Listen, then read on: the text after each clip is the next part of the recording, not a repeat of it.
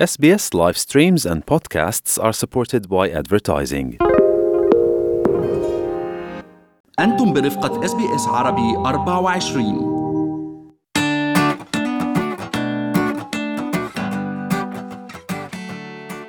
لما بالعادة بفكر بأستراليا بيخطر عبالي أول شي الطقس الدافي والغابات الاستوائية وحفلات الشوي اللي بتنعمل بكل المناسبات والرحلات كل مناسبة وطنية وحملة انتخابية ورحلة وجمعة عائلية فيها barbecue وال barbecue الأسترالي بيضمن خيارات كتير مثل ال sausage rolls وال seafood وال burgers و steaks اللحوم بأنواعها بالإضافة للحم الكانجروز لتكون أستراليا من أبرز الدول اللي بتاكل أحد أهم رموزها الوطنية.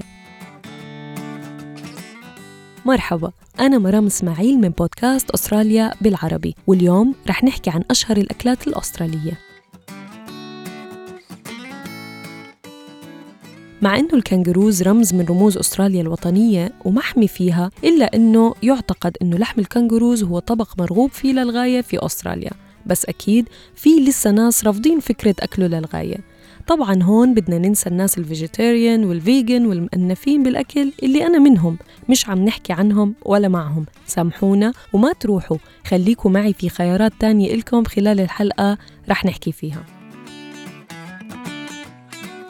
إذا رجعنا بالزمن من وين إجت فكرة أكل لحم حيوانات الكانجروز اللي بتنتمي إلى أربع فصائل فبتكون من عند السكان الأصليين اللي كانوا يصطادوه على مدى أجيال إلا أنه لحم الكنجر لم يتم التصديق عليه للاستهلاك البشري حتى عام 1980 في ولاية جنوب أستراليا بالأول ولحقتها الولايات الأخرى في عام 1993 وبسبب الزيادة في توالد الكنجروز على مر الزمن تم ترخيص الصيادين لاصطيادهم ضمن قانون بنص على قواعد ممارسة صارمة للغاية. هلأ أنا مش كتير خبيرة باللحوم مشان هيك رح أسأل الشيف هدى القبيسي عن رأيها اللي كانت ضمن المتسابقين ببرنامج ماستر شيف أستراليا وقدرت توصل للمراحل النهائية بالبرنامج. على فكرة لحم الكانجرو كتير ما فيها دهن وصارت أكتر مشهورة ما قبل مثلا الخروف والبقر وكل هاللحومات الكانجرو هي هلأ لو إن فات يعني ما فيها دهن كتير بس البروتين فيها كتير عالية. يعني صاروا عم يعملوا شوية research باللحمة الكانجرو وعم بيلاقوا كمان إنه فيها بعد أشياء إنه بتنزل مثلا ال obesity والكوليسترول وما دمنا عم نحكي عن اللحمة خلينا نحكي عن حفلات الشوي اللي في فرق كبير بينها وبين ال barbecues اللي متعودين عليها بالوطن العربي.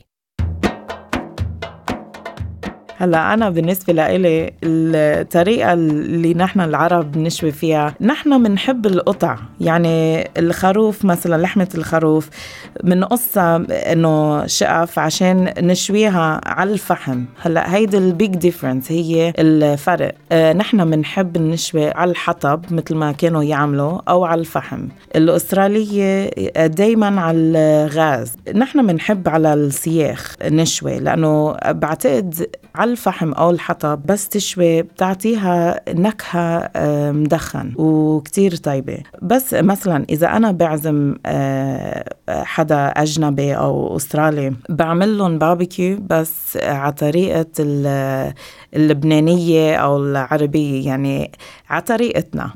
طيب شو هي يا ترى أشهر الأكلات اللي بيحبوا الأستراليين يشووها على الباربيكيو؟ أكتريتهم هي بيعملوا مثلا ال lamb cutlets أو ال lamb chops. ما بدنا ننسى الأكلات البحرية اللي مشهورة فيها أستراليا. هي definitely يعني ال prawns. أو مثل ما بيسموها بعد مطارح ال shrimps. نحن بنحب القريدس. think هيدي أفضل seafood عندهم إياها. ومن بعد القريدس بيجي ال crabs blue swimmer crabs بالناحيه السمك بيحبوا ال barramundi طيب أكلة تانية بيعتبروها الأستراليين بحسب استطلاع للرأي طبقهم الوطني هي ال lamb leg roast وأستراليا معروفة بجودة لحم الخروف فيها وأشهر وأسهل طريقة لعمل الأكل بنكهة أسترالية هي؟ بيعملوا إنه فخوات بقلبها وبيحطوا الثوم والروزماري شو سميتيها بالعربي؟ إكليل الجبل. أوكي I'll let you say that. كمان مع بيدهنوها مع زيت زيتون وملح وفلفل أسود. وشوية خضرة بالفرن مزبوط. وهذا. صار الطبق الوطني. لأنه نحن العرب بنعملها الخروف كلها سوا.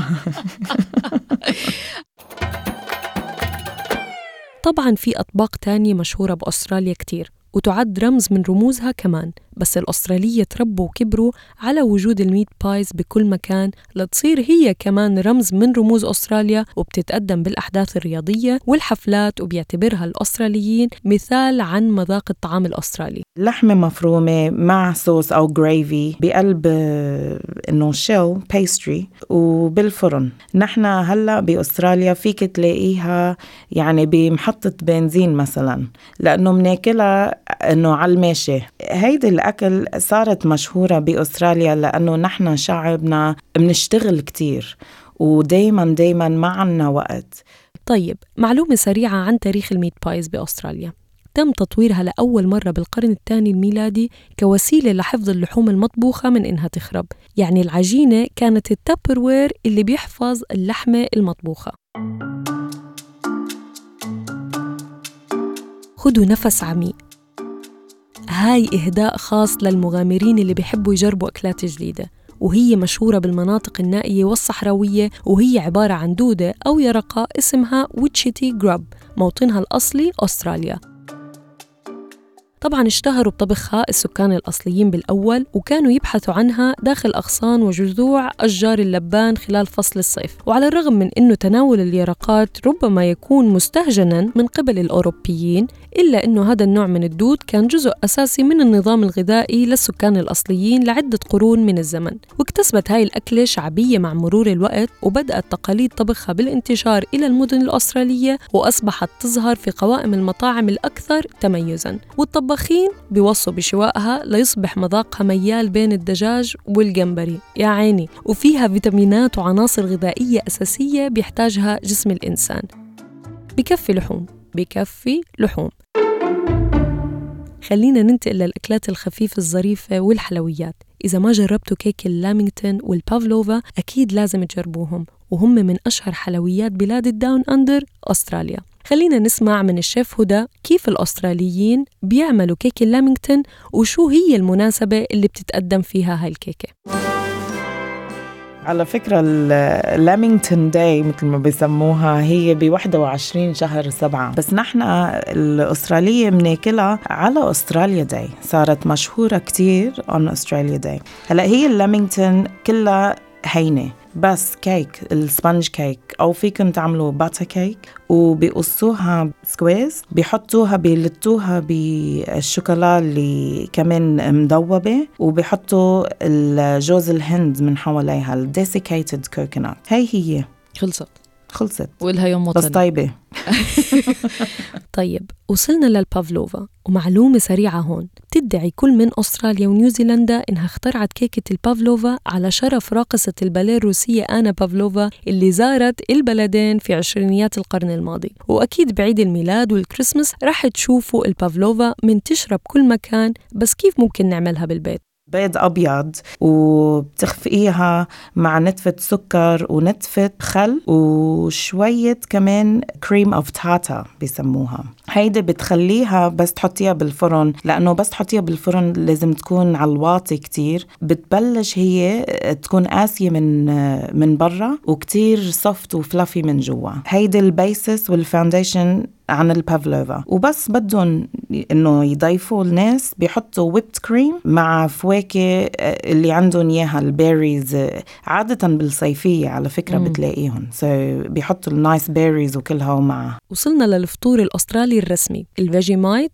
وال Weet-Bix ال Vegemite عن نفسي ما جربته مش كتير شكله مغري يعني بس من اللي سمعته يا رح تحبه أو تكرهه ما في خيار وسط. ومع أنه عمر ال Vegemite صار 90 سنة لا يزال يمثل أحد الوجبات الرئيسية للإفطار في أستراليا. يا ترى قديش الجالية العربية بأستراليا بتحبوا لل Vegemite؟ أنا ما حبيته sorry يعني. بحبوه ولادي وجوزي بحبه. ما دقته ولا مرة دقته ولا بدي أدوقه. مفيد للصحة إلى الآخر. أوصي أي ناس أي ناس لازم على الأقل تكون عندهم وجبتين ثلاثة في الأسبوع في جماعة لا المذاق شوية غريب. ما بياكل إلا عربي تقريبا sorry تقليك بتعرفوا إنه هالمعجون الأسود له أهمية غذائية واللي بيشوفه أول مرة مستحيل يخمن. مفيدة للجسم لأنه حطوا فيها الفيتامينات البي 1 والبي 2 والبي 3 والفوليت أما ال Weet-Bix أنا بحبها كتير صراحة. سواء أكلتوها مع الحليب الدافي أو البارد حطيتوا عليها عسل أو سكر أو حتى أكلتوها ناشفة مع المربى أو في ناس بتاكلها مع Vegemite في أكتر من طريقة للاستمتاع فيها. عملوها صنعوها لأنه آه، مرقت أستراليا ال Great Depression يعني صار recession وما حدا كان في آه، يشتري أكل كتير. فصنعوا ال Weet-Bix من وراها عشان يساعدوا العالم ياكلوا شيء مفيد لجسمهم وما يكلف كتير. طيب حابة أختم معكم بشوكولاتة على بسكوت محبوب كتير بأستراليا. نزل أول مرة بالأسواق عام 1964 اسمه Tim Tams مدمرني. وله طريقة معينة بتتاكل فيها تعلمتها لما هاجرت على أستراليا. إذا جربتوها اعرفوا إنكم رح تدمنوا عليها. اللي بده ينحف ما يجرب. أول شي بدكم تجيبوا your favorite drink سواء كان شاي هوت شوكليت قهوة أي شي شراب سخن بتحبوه. أول خطوة بنعملها بدنا ناكل من أول طرف. نرجع نقلبها للتمتام. وبننتش على الزاوية المقابلة للزاوية اللي أول شي نتشناها بعدين مم. مش معقول شو طيب التمتام بتحطوها بالشاي وبتشربوا كأنها صارت شاليمونة.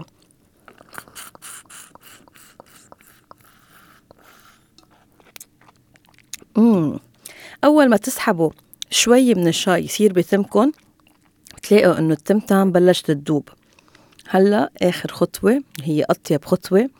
بتحط التمتم بقلب تمك وتصير بتدوب بصير في overdose chocolate مش معقول شو طيبة. هاي كانت وصفة السعادة اليوم. كنت معكم مرام إسماعيل لاقوني بالحلقة الجاي من أستراليا بالعربي.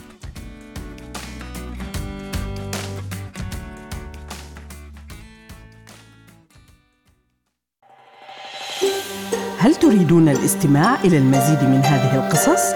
استمعوا من خلال أبل بودكاست، جوجل بودكاست، سبوتيفاي أو من أينما تحصلون على البودكاست